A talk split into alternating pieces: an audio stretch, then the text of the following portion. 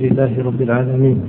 والصلاة والسلام على أشرف الأنبياء والمرسلين نبينا محمد وعلى آله وصحبه أجمعين. أما بعد فوقفنا عند باب الربا والصرف. والربا في اللغة هو الزيادة وفي الشرع هو زيادة في شيء مخصوص. والصرف هو بيع النقد بالنقد. بيع النقد بالنقد كبيع الذهب بالذهب يسمى صرف. وبيع الذهب بالفضة يسمى صرف وبيع الفضة بالفضة يسمى صرفا. وهكذا بيع الريال بالريال وبيع الريال بالدينار أو بغيره من العملات يقال له صرفا. الربا ينقسم إلى قسمين ربا الفضل وربا النسيئة. ربا الفضل يعني ربا الزيادة وربا النسيئة يعني ربا التأخير. وأرجو التركيز والتنبه لهذه القواعد التي سأذكرها الآن لأن عليها مدار باب الربا. نقول ربا الفضل يعني الزيادة وربا النسيئة يعني التأخير. هناك أشياء إذا بيعت بأشياء أخرى لا يجوز فيها أو لا تجوز فيها الزيادة. يحرم أو تحرم الزيادة. فمن خالف وباعها بزيادة يكون وقع في ربا الفضل. مئة ريال بمئة ريال ما تجوز الزيادة. لو باع مئة ريال بمئة وخمسين أو بمئة وعشر ريال ما الذي وقع فيه؟ وقع في زيادة وقع في فضل. هذا الربا هذا ربا. ربا إيش؟ ربا من أي أنواع الربا؟ ربا الفضل. وهناك أشياء إذا بيعت بأشياء أخرى لا يجوز فيها التأخير وإنما ينبغي التقابض في الحال. فإذا أخر يعني تبايع هذان هذين الشيئين وأخر التسليم يكونا قد وقعا في ربا النسيئة. مثلا مئة ريال بمئة ريال لابد من التقابض في الحال. ما يجوز التأخير. فلو بعتك مئة ريال بمئة ريال تحضرها بعد شهر. يكون نكون وقعنا في ماذا؟ في النسيئة في ربا النسيئة بسبب التأخير. بيع الذهب بالفضة مثلا. يجوز أن يبيع أن يباع الذهب بالفضة لكن بشرط التقابض. وسيأتي بيان ليش أسباب ذلك ما هو علة ذلك. لكن الآن حتى نتصور أنواع الربا. بيع الذهب بالفضة, بالفضة يشترط فيه التقابض. فإذا لم يحصل التقابض في المجلس بعتك مثلا آه، مئة غرام ذهب بكيلو يعني بألف غرام فضة تحضرها بعد شهر. هذا ربا إيش؟ نسيئة. واضح هذا. طيب لو بعتك مئة ريال بمئة وخمسين ريال تحضرها بعد شهر. الآن تأخذ المئة وتحضر لي مئة وخمسين بعد شهر. وقعنا في إيش؟ في الفضل ولا في النسيئة؟ في الاثنين.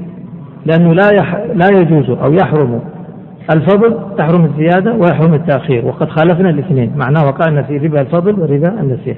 اتضحت المسألة الآن؟ طيب. عندنا مسألة عرفنا إيش يعني ربا؟ الفضل وربا النسيئة عندنا الآن مسألة أخرى وهي علة الربا. ما هي علة الربا؟ علة الربا جاء في حديث عبادة النبي صلى الله عليه وسلم يقول الذهب بالذهب والفضة بالفضة والتمر بالتمر والشعير بالشعير وليش والملح والملح بالملح والتمر بالتمر والملح بالملح. فمن زاد أو استزاد فقد أربى. يدا بيد مثلا بمثل فمن زاد أو استزاد فقد أربى يدا بيد ما معنى يد بيد؟ تقابض؟ تقابض. معنى إذا ما حصل تقابض حصل إيش؟ نسيئة. معنى ربا النسيئة. قال يدا بيد مثلا بمثل. مثلا بمثل يعني إيش؟ يعني عدم تفاضل. عدم تفاضل. عدم تفاضل. عدم زيادة. فإن زاد أحدهما إيش حصل؟ معناه حصل ربا الفضل. إذا قول النبي صلى الله عليه وسلم يدا بيد يعني عدم التأجيل عدم النسيئة. مثلا بمثل يعني عدم عدم الفضل عدم الزيادة. معنى هذا إذا بيع الذهب بالذهب يشترط فيه كم شرط؟ يشترط شرطان التقابض والتماثل التقابض لماذا؟ للسلامة من ربا النسيئة والتماثل لماذا؟ للسلامة للبعد عن ربا الفضل. الذهب بالذهب هذا هو. الفضة بالفضة كذلك. تقابض وتماثل.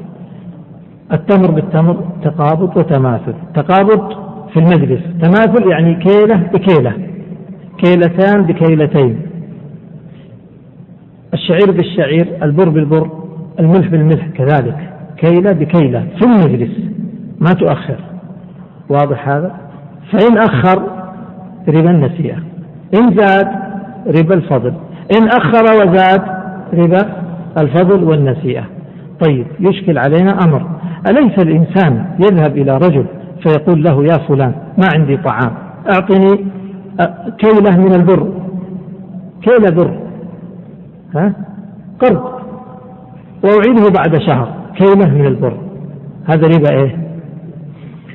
طيب هو جاء وأخذ كيلة يعني ما يجوز للإنسان أن يأخذ الإنسان كيلة بر ويردها بعد شهر؟ نقول لحظة نفرق الآن بين البيع وبين القرض. إذا أخذه بيعا فلا يجوز. إذا باع الكيلة بالكيلة معناته لابد من التقابض ولا بد من التماثل لكن إذا كان قرضا قرضا إيش يعني قرض؟ الآن أليس الإنسان منا يذهب إلى صديق أو أخ له فيأخذ منه ألف ريال سلف ويردها بعد كم؟ بعد شهر أو بعد سنة ها؟ وأحيانا يماطل ما يردها ها؟ يجعله يندم على على السلف هذا. يحصل ولا ما يحصل؟ يحصل. طيب. يأخذ منه ألف ريال ويردها بعد شهر. أليس كذلك؟ طيب إيش حصل؟ كيف إحنا نقول الريال بالريال؟ الشرط فيه إيش؟ التقابض والتماثل. فكيف جاز هنا أن تعطيه ألف ريال ويردها ألف ريال بعد شهر؟ نقول هذا غير. الممنوع هو البيع.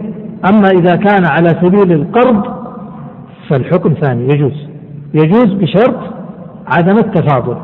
يعني إذا سلفته أقرضته ألف ريال يعيدها ألف بدون زيادة. لكن يعيدها في الحال ولا يعيدها بعد شهر أو سنة؟ يعيدها مؤجلة لا حرج. طيب كيف جاز هذا؟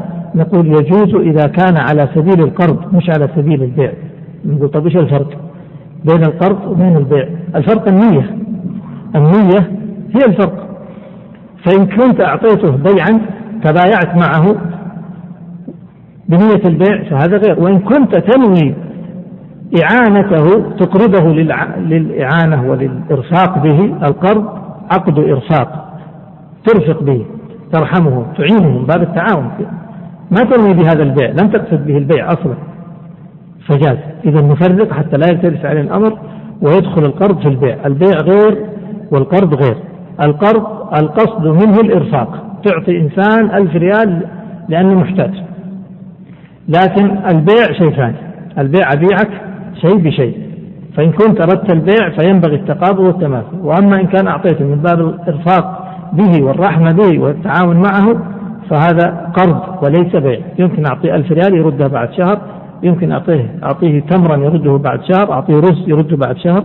قرضا وليس بيعا.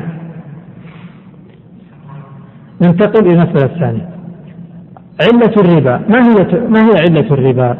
وعلة الربا مهمة لتحديد الربا لأن الربوي ما فيه علة الربا. ما هي علة الربا؟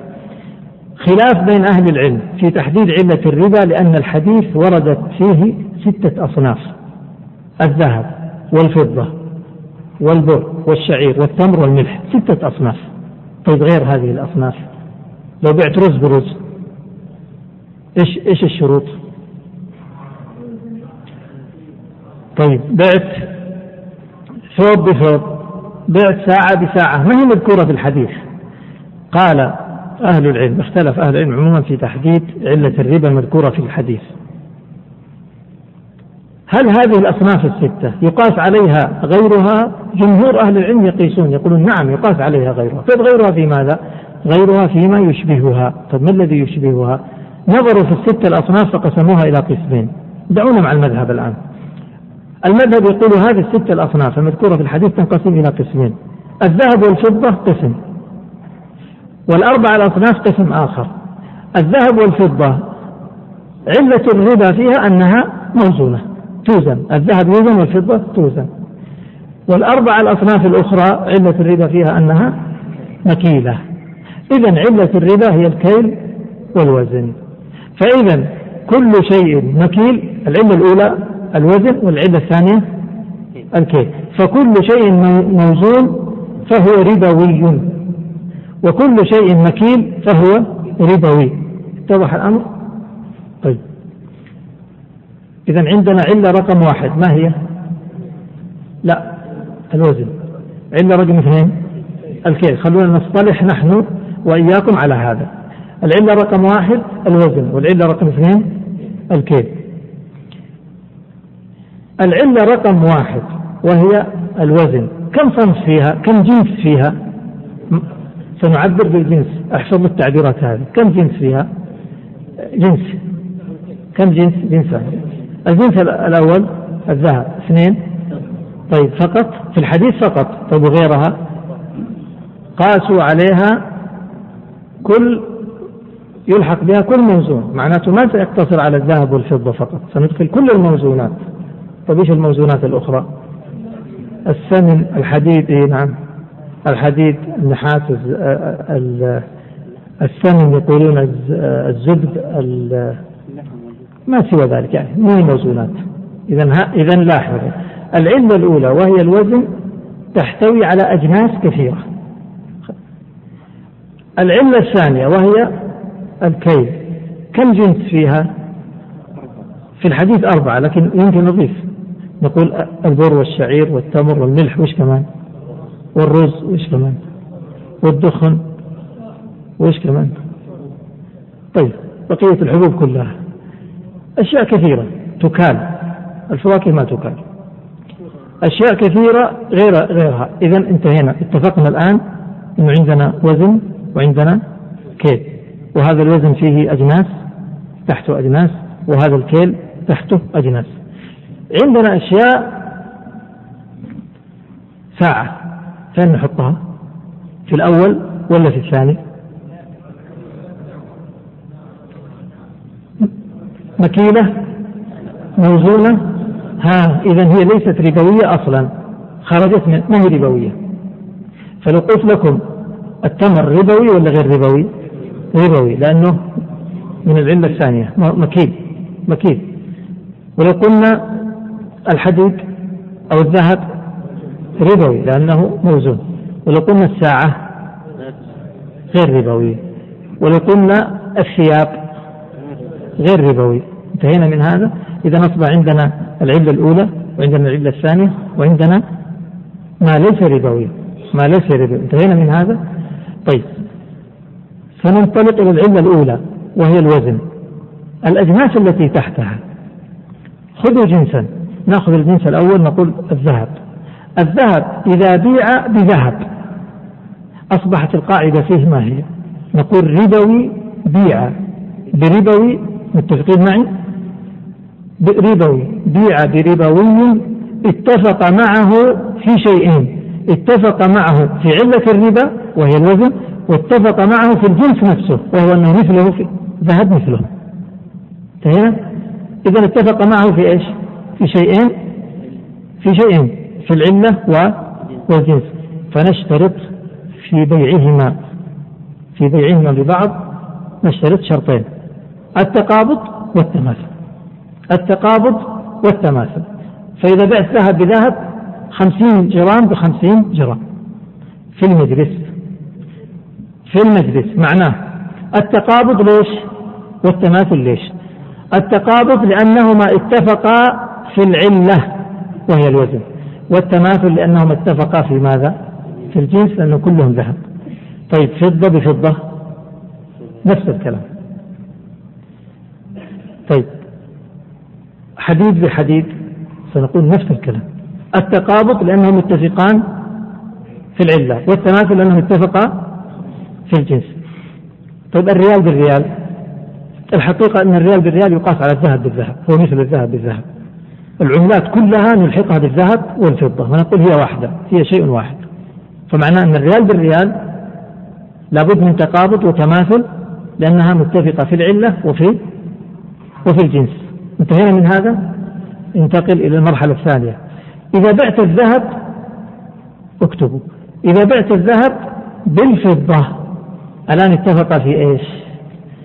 اتفق في علة واحدة واختلفا في الجنس. ونحن قلنا الاتفاق في العلة يوجب التقابض والاتفاق في الجنس يوجب التماثل. والذهب بالفضة اتفقا في العلة فوجب التقابض. واختلف في الجنس فلم يجب التماثل إذا في الذهب بالفضة نوجب ماذا؟ تقابض فقط. ولا نوجب تماثل إذا بعت 100 غرام ذهب ب 200 غرام فضة يجوز ولا يجوز؟ بشرط. في المجلس. في المجلس. اتفقنا على هذا؟ ريال بدينار. كم شرط؟ شرط واحد. ما هو؟ التقابض. طيب. حديد بنحاس. شرط واحد. تقابض. اتفقنا على هذا؟ طيب دعوا هذه العلة الآن نذهب إلى العلة الثانية وهي الكيد. الكيد من أجناسه البر. البر البر بالبر. اتفق في العلة واتفق في الجنس فنشترط ما دام في الاثنين. العلة توجب تقابض والجنس يوجب تماثل. إذا يجب التقابض والتماثل. كيلة بر بكيلة بر.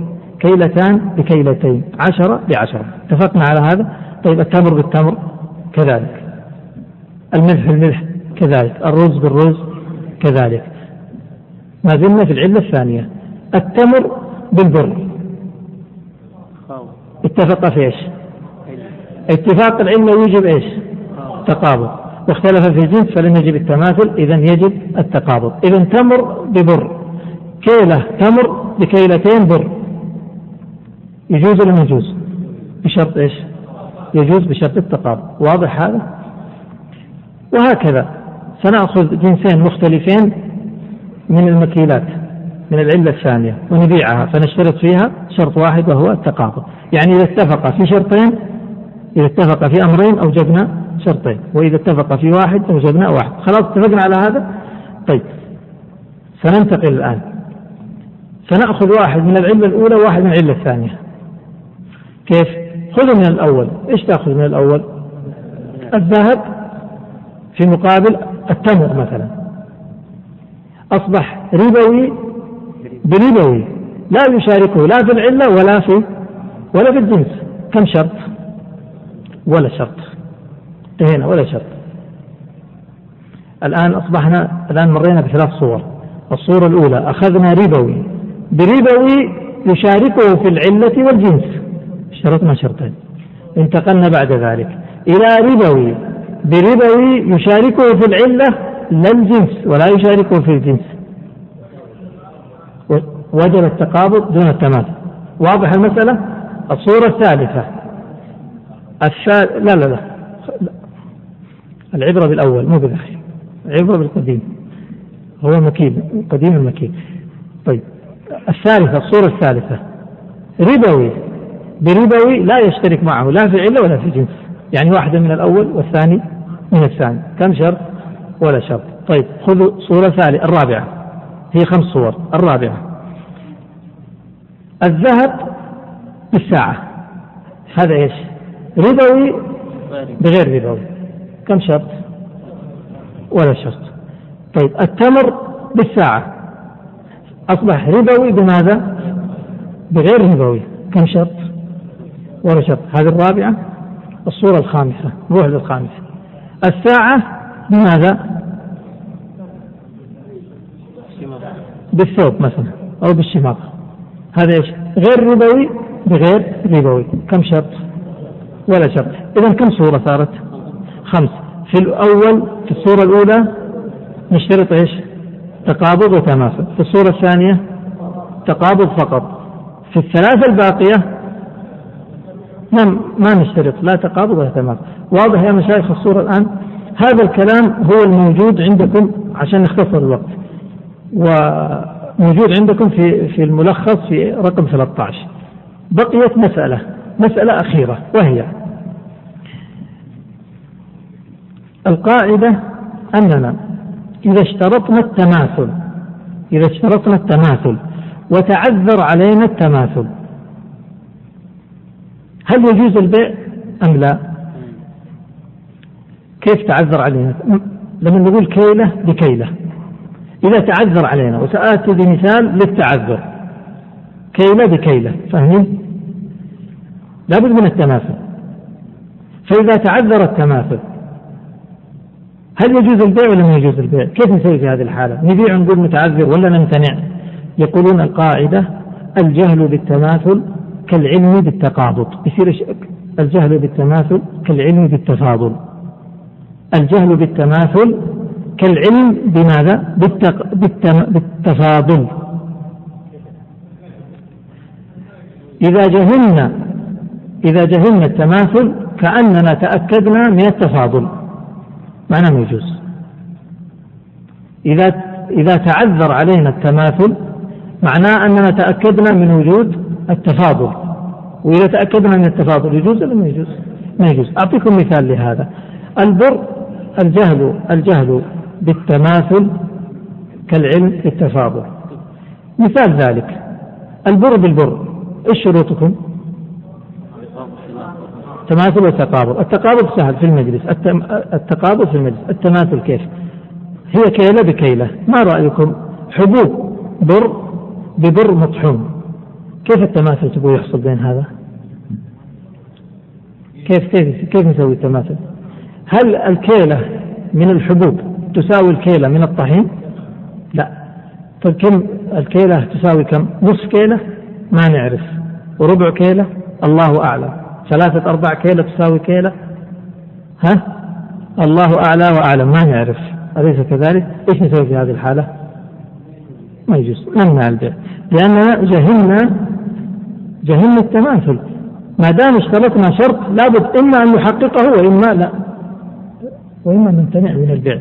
واضح المسألة هذه يا إخوان؟ طيب. بناء على هذا الكلام الذي قلناه سنقرأ كلام المصنف وإن شاء الله ما ما نتعطل بسرعة. قال المصنف رحمه الله باب الربا والصرف. يحرم ربا الفضل اللي هو الزيادة في في مكيل وموزون بيع بجنسه يعني إيش؟ مكيل بيع مكيل من جنسه. موزون بيع بموزون من جنسه. قال ويجب فيه الحلول والقبض الحلول والقبض. إيش يعني الحلول؟ لا لا لا يقصد بالحلول يعني عدم التأجيل أن لا يكون العقد آجلا. يكون الأجل العقد حال ويحصل القبض فعلا التسليم. حتى لو اتفق على أنه حال لكنه ما تسلم. العقد حال وما تسلم. ما يجوز. لابد أن يكون العقد حال وأن يقع التسليم فعلا. قال ولا يباع مكيل بجنسه إلا كيلا. ليش؟ لا يباع مكيل بجنسه إلا كيلا. لماذا؟ لكي نتأكد من التماثل. معناه لو أردنا أن نبيع التمر بالتمر كيلو تمر بكيلو تمر. واضح هذا؟ هذا إيش؟ تقاب... تماثل ولا ما في تماثل كيلو بكيلو. لا. المكيل تماثله يكون بالكيل. وال... والموزون تماثله بالوزن. فما يصير تبيع المكيل بمكيل وزنا. عشان نتماثل نماثله بالوزن. لا. لأنه تماثل الوزن ليس الكيل. إخوان تعرفوا الفرق بين الوزن والكيل ولا لا؟ الوزن ثقل والكيل حجم. أليس كذلك؟ يعني هذا الحجم من القطن. هل هو مثل هذا الحجم من من الحديد في الوزن؟ لا طبعا. فلو أردنا أن نوازن بين بين الخفيف بين خفيف وخفيف وزنا قد يختلف كيلا. إذا العبرة بإيش؟ بأصله. ما كان موزون التماثل يكون فيه بالوزن وما كان مكيل التماثل يكون فيه بالكيل. قال ولا يباع مكيل بجنسه إلا كيلا. قلنا ليش الجواب؟ لتحقيق إيش؟ التماثل. ولا موزون بجنسه إلا وزنا لتحقيق التماثل. ولا بعضه ببعض جزافا لماذا؟ لعدم التأكد من إيش؟ من التماثل. ما أبيعك كومة تمر بكومة تمر. ما يصير. كيف نعرف التماثل؟ لا يعرف التماثل في التمر إلا بالكيل مش الوزن بالكيل. ولا يعرف التماثل في الحديد إلا بالوزن. قال فإن اختلف الجنس جازت الثلاثة يعني الوزن والكيل والجزاف. لماذا؟ لأنه إذا اختلف الجنس ما نشترط التماثل نشترط التقابض. واضح كلام المصنف؟ إذا جازت الثلاثة اكتب عندها أي الكيل والوزن والجزاف. قال المصنف والجنس الآن قاعد يشرح ما هو الجنس وما هو النوع. قال والجنس ما له اسم خاص يشمل أنواعا. كبر البر جنس تحته أنواع.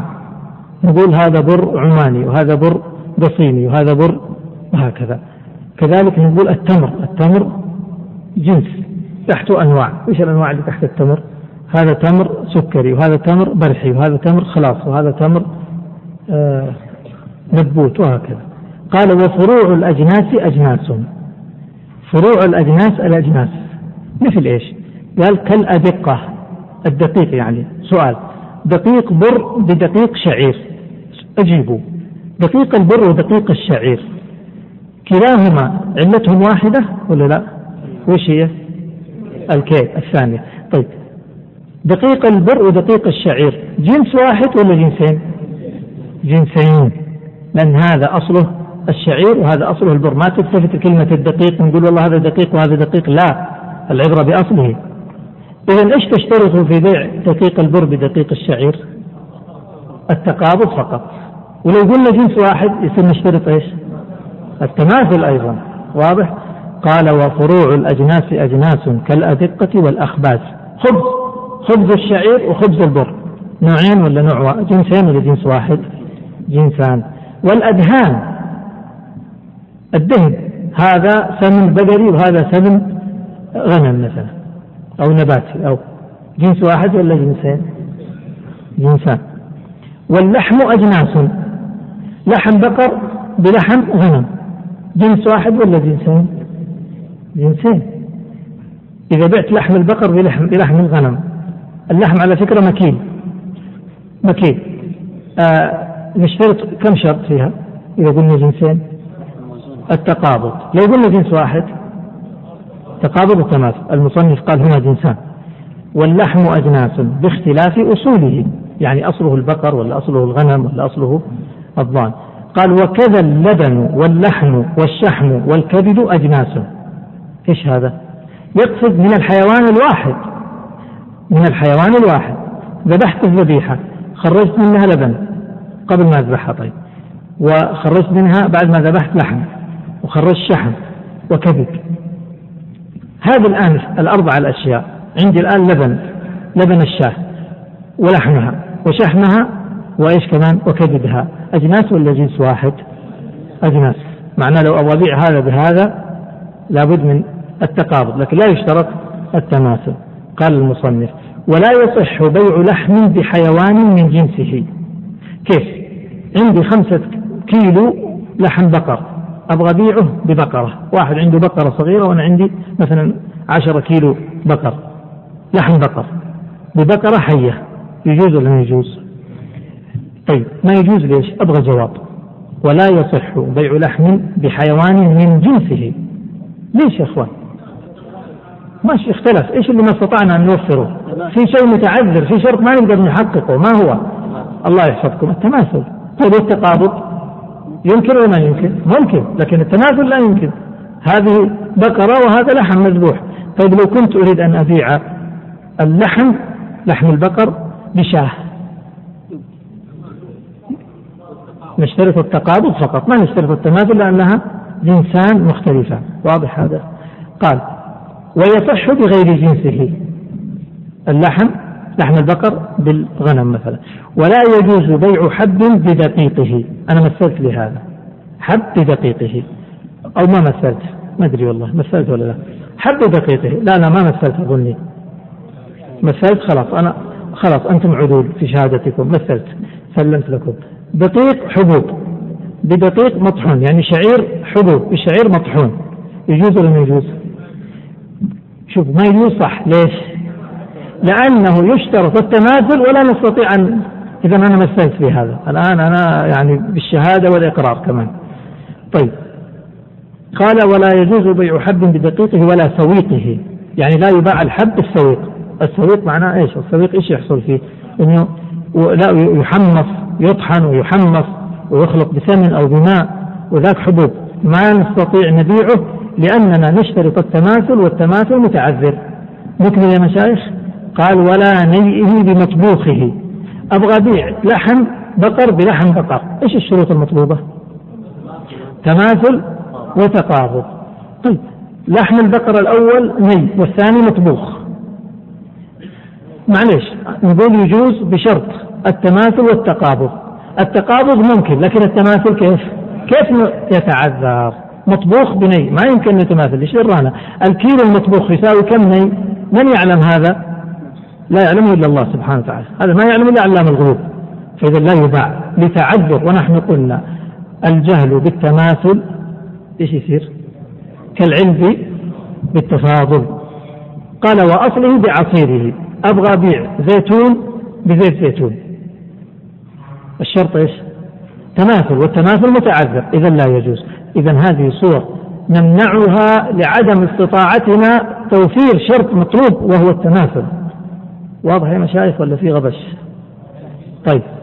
قال وخالصه إيه؟ الزيتون بزيت الزيتون أو زيت الزيتون بالزيتون واحد. لا لا الزيتون هو هذا أصله بعصيره معناه الزيتون هو زيت. يبيعها ببعض ما يمكن لأنه يشترط التماثل والتماثل متعذر قال ورطبه بيابسه مثاله. تمر برطب. نشترط التماثل والتماثل متعذر. كيلو أو الكيلة من الرطب أو التمر كم تساوي من الرطب ما نعرف لا يستطيع أن نعرف ذلك. قال ويجوز بيع دقيقه بدقيقه إذا استويا في النعومة. لو عندي إيه طحين شعير مثلا أو أو أو بر مطحون ببر مطحون يشترط إيش؟ التماثل. إذا كان يعني كلاهما مستويان في النعومة يعني مطحونان بدرجة واحدة. يمكن التماثل أليس كذلك؟ نعم. إذا أجزنا هذا لأننا استطعنا أن نحقق شرط التماثل. قال ومطبوخه بمطبوخه وخبزه بخبزه مثل خبز الشعير بخبز الشعير أو لحم مطبوخ لحم غنم مطبوخ بلحم غنم مطبوخ بس بشرط إذا استويا في النشاف يعني إذا كانت مطبوخة بدرجة واحدة أو الخبز على درجة واحدة. قال وعصيره بعصيره. عصيره بعصيره. مثلا زيت زيتون بزيت زيتون. يجوز هذا ولا لا؟ يجوز لأنه يمكن التماثل. وربط به برطبه. مثل الرطب بالرطب. يجوز لأنه يمكن من التماثل. قال ولا يباع. ربوي بجنسه ومعه أو معهما من غير جنسهما. صورة ذلك. هذه يسمونها مسألة مد آه يسمونها مد عجوة ودرهم. مد عجوة ودرهم. مد عجوة ودرهم. كيف؟ الآن لو أردت أن أبيع مد عجوة مد تعرفون المد؟ هذا المد. والعجوة نوع من التمر. مد عجوة ومعها درهم. أبيعها بدرهم. فهمتوا؟ إيش صار؟ صار ربوي. بربوي اللي هو درهم. ودرهم ومعه من غير جنسهما. الآن الدرهم بالدرهم نشترط التماثل فهل حصل تماثل هنا؟ لا ما حصل ما حصل لأنه هذا درهم وهنا درهم ومعه زيادة عجوة. أو مد عجوة ودرهم بمد عجوة. واضح؟ ما يصح هذا لأنه أصبح ربوي وربوي ومع أحدهما من غير جنسهما. اختل التماثل. قال ولا تمر بلا نوى بما فيه نوى. يعني تمر بدون نوى أبيعه بتمر فيه نوى. إيش صار؟ صار في ما في تماثل الآن. قال ويباع النوى بتمر فيه نوى. لو كنت أبيع النوى لوحده بتمر فيه نوى. يجوز هذا ولا لا؟ قالوا يجوز لماذا لأن العقد الآن مصب على النوى مقابل مين؟ مقابل التمر. والنوى الذي في التمر غير مقصود. هذا غير مقصود. هذا غير ملتفت إليه ليس مقصودا. طيب قال ولبن وصوف بشاة ذات لبن وصوف. صورتها أبيع اللبن بشاة فيها لبن. يجوز ولا يجوز؟ يجوز لماذا؟ لأن اللبن الآن في مقابل الشاة. ما هو في مقابل اللبن؟ واللبن الذي في الشاة تابع وليس مقصودا فلا يلتفت إليه. الصوف أبيع الصوف بشاة فيها صوف. يجوز ذلك لأن العقد الآن منصب على الصوف في مقابل الشاه. وأما الصوف الذي في الشاه فهو تابع وليس أصيلا. قال وإن كان حامل حامل. قال ومرد الكيل بعرف المدينة والوزن بعرف مكة زمن النبي صلى الله عليه وسلم. المقصود بهذا إنه مرد الكيل. الآن من اول نحن نقول مكيل وموزون مكيل وموزون. وش المكيل وش الموزون؟ يقول المصنف مرد الكيل والوزن قال لعرف مكة والمدينة والمقصود بهذا عرف الحجاز في عهد النبي صلى الله عليه وسلم معناه ما كان مكيلا في الحجاز في عهد النبي صلى الله عليه وسلم فهو مكيل ولو باعه الناس اليوم بالإيش؟ بالوزن وما كان موزونا في ذاك الزمان فهو موزون ولو باعه الناس اليوم بالكيل وهنا مسألة هل معنى هذا إنه ما يجوز بيع التمر موزون ولا يجوز؟ مين يرد علي؟ يجوز. لكن لو أردت أن تبيع التمر بالتمر ما يصح أن تبيعه وزنا. التماثل لا يتحقق إلا بالكيل. أما مسألة البيع بيعه. بيعه بالوزن بيعه بالكيل بيعه بالحبة بيعه بالجزاف بيعه بالكيس. هذا ما لا علاقة به. أما إذا أردت أن تتحقق من التماثل فالتماثل لا يكون إلا بالكيل. قال وما لا عرف له هناك. الأشياء التي لا كان لم يكن لها عرف في عهد النبي صلى الله عليه وسلم. أشياء استحدثت مثلا. اعتبر عرفه في موضعه. يعني عرفه في ماذا؟ في بلده. قال المصنف ويحرم ربا النسيئة في بيع كل جنسين اتفقا. ها؟ ظنناكم يعني غفلتم وإذا بكم يقظين ما شاء الله. طيب يا إخوان معلش. أنا أريد منكم في هذا في هذه المذكرة ذكرنا هنا أمثلة لل لحظة لا أحد يتحرك لو سمحت. الأمثلة انظروا فيها في البيت وحاولوا أن تجيبوا في البيت في الصفحة الثانية. يعني مثال الذهب بالذهب ووضعنا أمامه تماثل وتقابض والحكم. فإذا كان يشترط التماثل ضع خط يعني علامة صح والتقابض صح. إذا كان يشترط فقط التماثل يعني ضع علامة صح عند في الخانة التي تشترط وعلامة خطأ في الإيش؟ في الخانة التي لا لا تشترط. وأرجو أن تراجعوا. إخوان نحن الآن مررنا بمسائل كثيرة صعبة وكما ذكرت لكم هذا أصعب باب. الآن هذا يعتبر أصعب درس. تقريبا انتهى. لأن المسائل التي ستأتي في باب الربا والصرف إنما هي تطبيقات على القواعد التي آه، قرأناها فأرجو أن تراجعوا. وأرجو أن يعني آه، تحتسبوا الأجر في هذا. وغدا إن شاء الله نكمل. وهنا بس بعض الأسئلة نقرأها بسرعة. يقول هذا السؤال ما المقصود بصلح صح بالإجازة صح بالإجازة صاحب السؤال أرجو أن يكون موجود يبدو أنه عنده مشكلات في العبارة.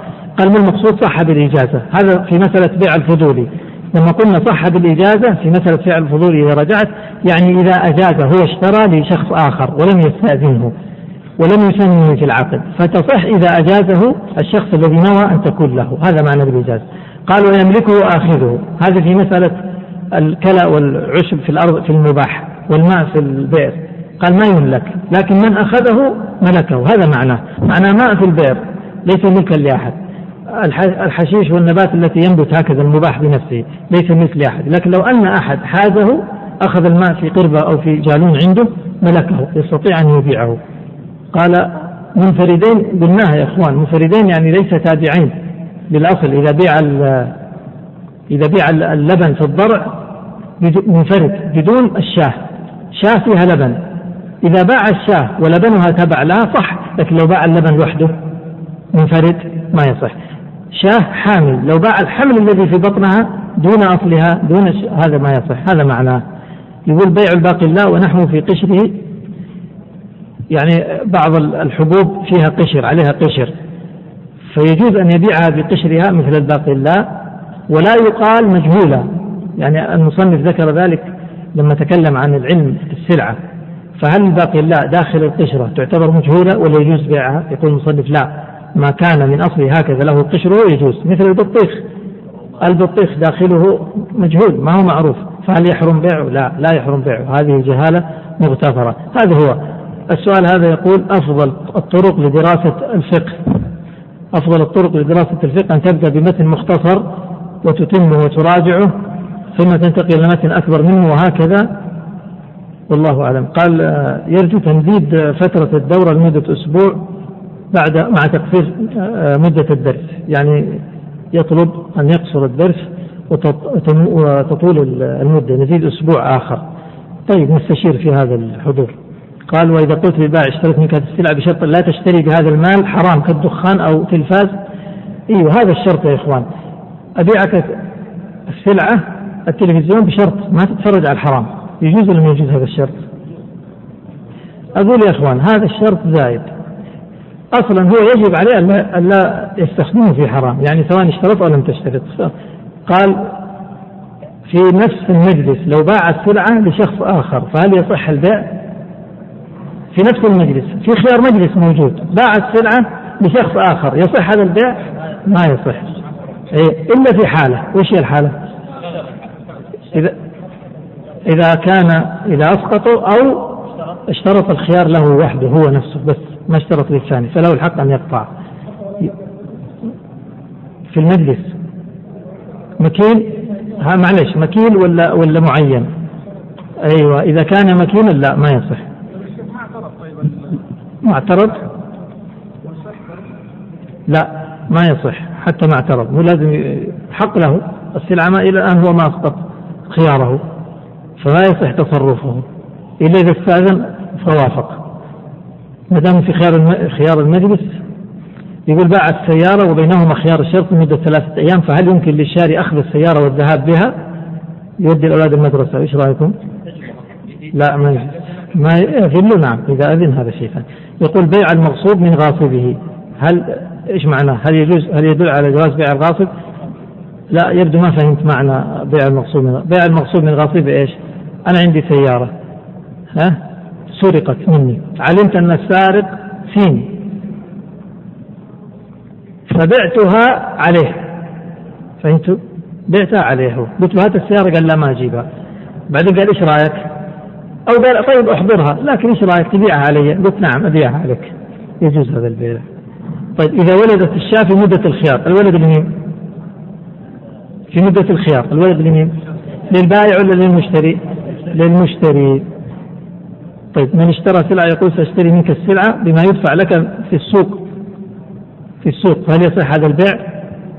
لا ما يصح ما يصح لكن ممكن يقول يكون كالتالي يقول له شوف أنا أشتري منك هذه السلعة بالثمن اللي آه، يدفع فيها في السوق. بس إلى الآن ما صار عقد هذا كلام. أما إن كان عقد فعقد باطل. فذهب ثم جاء. وقال في السوق دفعوا لي ألف ريال. قلت نعم أشتريها بألف ريال. صح ولا ما صح؟ صح ليش؟ لأن العقد لم ينعقد إلا على ثمن معلوم. أي أما إذا كان يقول ها تشتريها الآن ونعقد العقد الآن. والثمن نتركه فاضي. إلى أن نشوف كم تجي في السوق؟ يصح؟ ما يصح. هل هل هل يحق هل يحق للبائع أخذ الرهن وعدم إرجاعه للمشتري إذا لم يرغب؟ إحنا قلنا يا إخواني في الرهن انتبهوا الرهن ما يملك. الرهن ملكي أنا. وضعته عندك رهن. إذا سددت وإلا يباع. مو يملك مو تأخذ لك. حتى لو قلت لك إذا ما جبت الثمن خذ الرهن لك. ما يصح. لأن هذا معناه عارف معناه كأن يقول لك إن لم آتك بالثمن فأنا أبيعك هذا الرهن. هذا معناه وهذا إيش نسميه؟ تعليق البيع على على شرط. قال بعت آه لشخص أسهم بالأجل أي بالتقسيط ثم كلمني فهل يجوز؟ وكلني ثم وكلني ببيعه فهل يجوز ذلك؟ نعم. بعت له وكلك ما في بس يجوز. يقول هذا شاركت في مساهمة بدون كتابة وإثباته بعد أن جاءتني الأرباح ظهر أنها مساهمة محرمة فماذا علي الآن؟ علما أنه ظهر خلاف في إباحتها قبل المشاركة والأكثر أنهم أجمعوا على حرمتها. إذا ظهر أنها محرمة فما تأخذ رأس مالك لا تأخذ الأرباح. لكن أرجو أن تتأكد. ما ما ينفع كذا. قيل لي محرمة قيل محرمة ما ما تعرف الأحكام من كلام الناس. تأكد اذهب إلى شخص واسأله بالضبط إيش الموضوع. لكن إن ظهر في الأخير أن هذه المساهمة محرمة فلا تأخذ الأرباح. خذ بس رأس مالك. يقول أردت شراء سيارة بالتقسيط ودفعت أقساط ولم أستلم السيارة إلا بعد الانتهاء من شرائها. يجوز ما في حرج. يقول هذا اتفق صاحب قطيع غنم من المشتري على أن يختار عدد من القطيع بمبلغ 600 ريال هكذا يتبايع من القطيع. القطيع ما هو متساوي الأجزاء لازم يحددها. ممكن يقول له بدء مبدأ يعني مساومة. كل رأس ب 600 ريال فيذهب ويحضر ثلاثة أربع رؤوس ويعقد البيع على هذه معينة. لأنها غير متساوية الأجزاء. آه هناك من يعرض مجموعة من الأسهم وهو لا يريد بيعها وإنما يريد التأثير على السعر على سعر السهم. فهل يعتبر هذا من النجش؟ هذا هو عين النجش وعين الظلم. يرفع السهم عشان يكسب ولا يكسب خويه ولا هو كل هذا ظلم ما في شك ما في ما يجوز ولا يحل بهذه الأحوال. من قال إن جئت بحقك جئتك جئت بحقك وإلا فالرهن لك وحدد الزمن. ضمن هذه المسألة. يصير كذا؟ الرهن لك؟ الرهن لك سؤال. الرهن هذا ملك ملكي أنا. كيف انتقل لك؟ نبغى طريقة. إحنا قلنا ما تنتقل الملكية إلا بصيغة. فين الصيغة؟ الصيغة هي قولي إن لم أحضر المال فالرهن لك. يعني إن لم أحضر المال فقد بعتك الرهن يعني علقت البيع على شرط مستقبل. ما يصح هذا. شراء مجموعة من المكيفات تم بيعها لرجل آخر بأقل سعر نقدا. ثم مع أني عفوا مع أني قد بينت ذلك البيع بيت ذلك البيع النقدي قبل شراء أجد شراء مجموعة مكيفات تم بيعها لرجل آخر بأقل سعر نقدا. مع أني قد بيت ذلك البيع النقدي قبل شرائه ما فهمت. أنا اللي ما فهمت الآن. اشترى مجموعة من المكيفات إيش تم بيعها لرجل آخر؟ يعني أنت اشتريت من مين؟ اشتريتها من مين؟ تم بيعها لرجل آخر بأقل سعر. طبعا في تقديم وتخفيف العبارة. على العموم إذا كان اشترى مجموعة من المكيفات من شخص بأقل سعر نقدا هو اشتراها من شخص آخر بأقل سعر نقدا ما لك وماله أما إنك أنت تبيعها عليه ثم ترجع تشتريها منه بالآجل فهذا يصير عينة. أنا يبدو لي أني أنا ما فهمت السؤال. قد يكون هذا لقصور في فهمي الله أعلم. لا يستبعد. قال ما ما حكمة بر ببر وتمر بتمر وشعير بشعير كيلة بكيلة؟ طيب. أظن أننا تجاوزنا الوقت بزيادة وصلى الله وسلم. على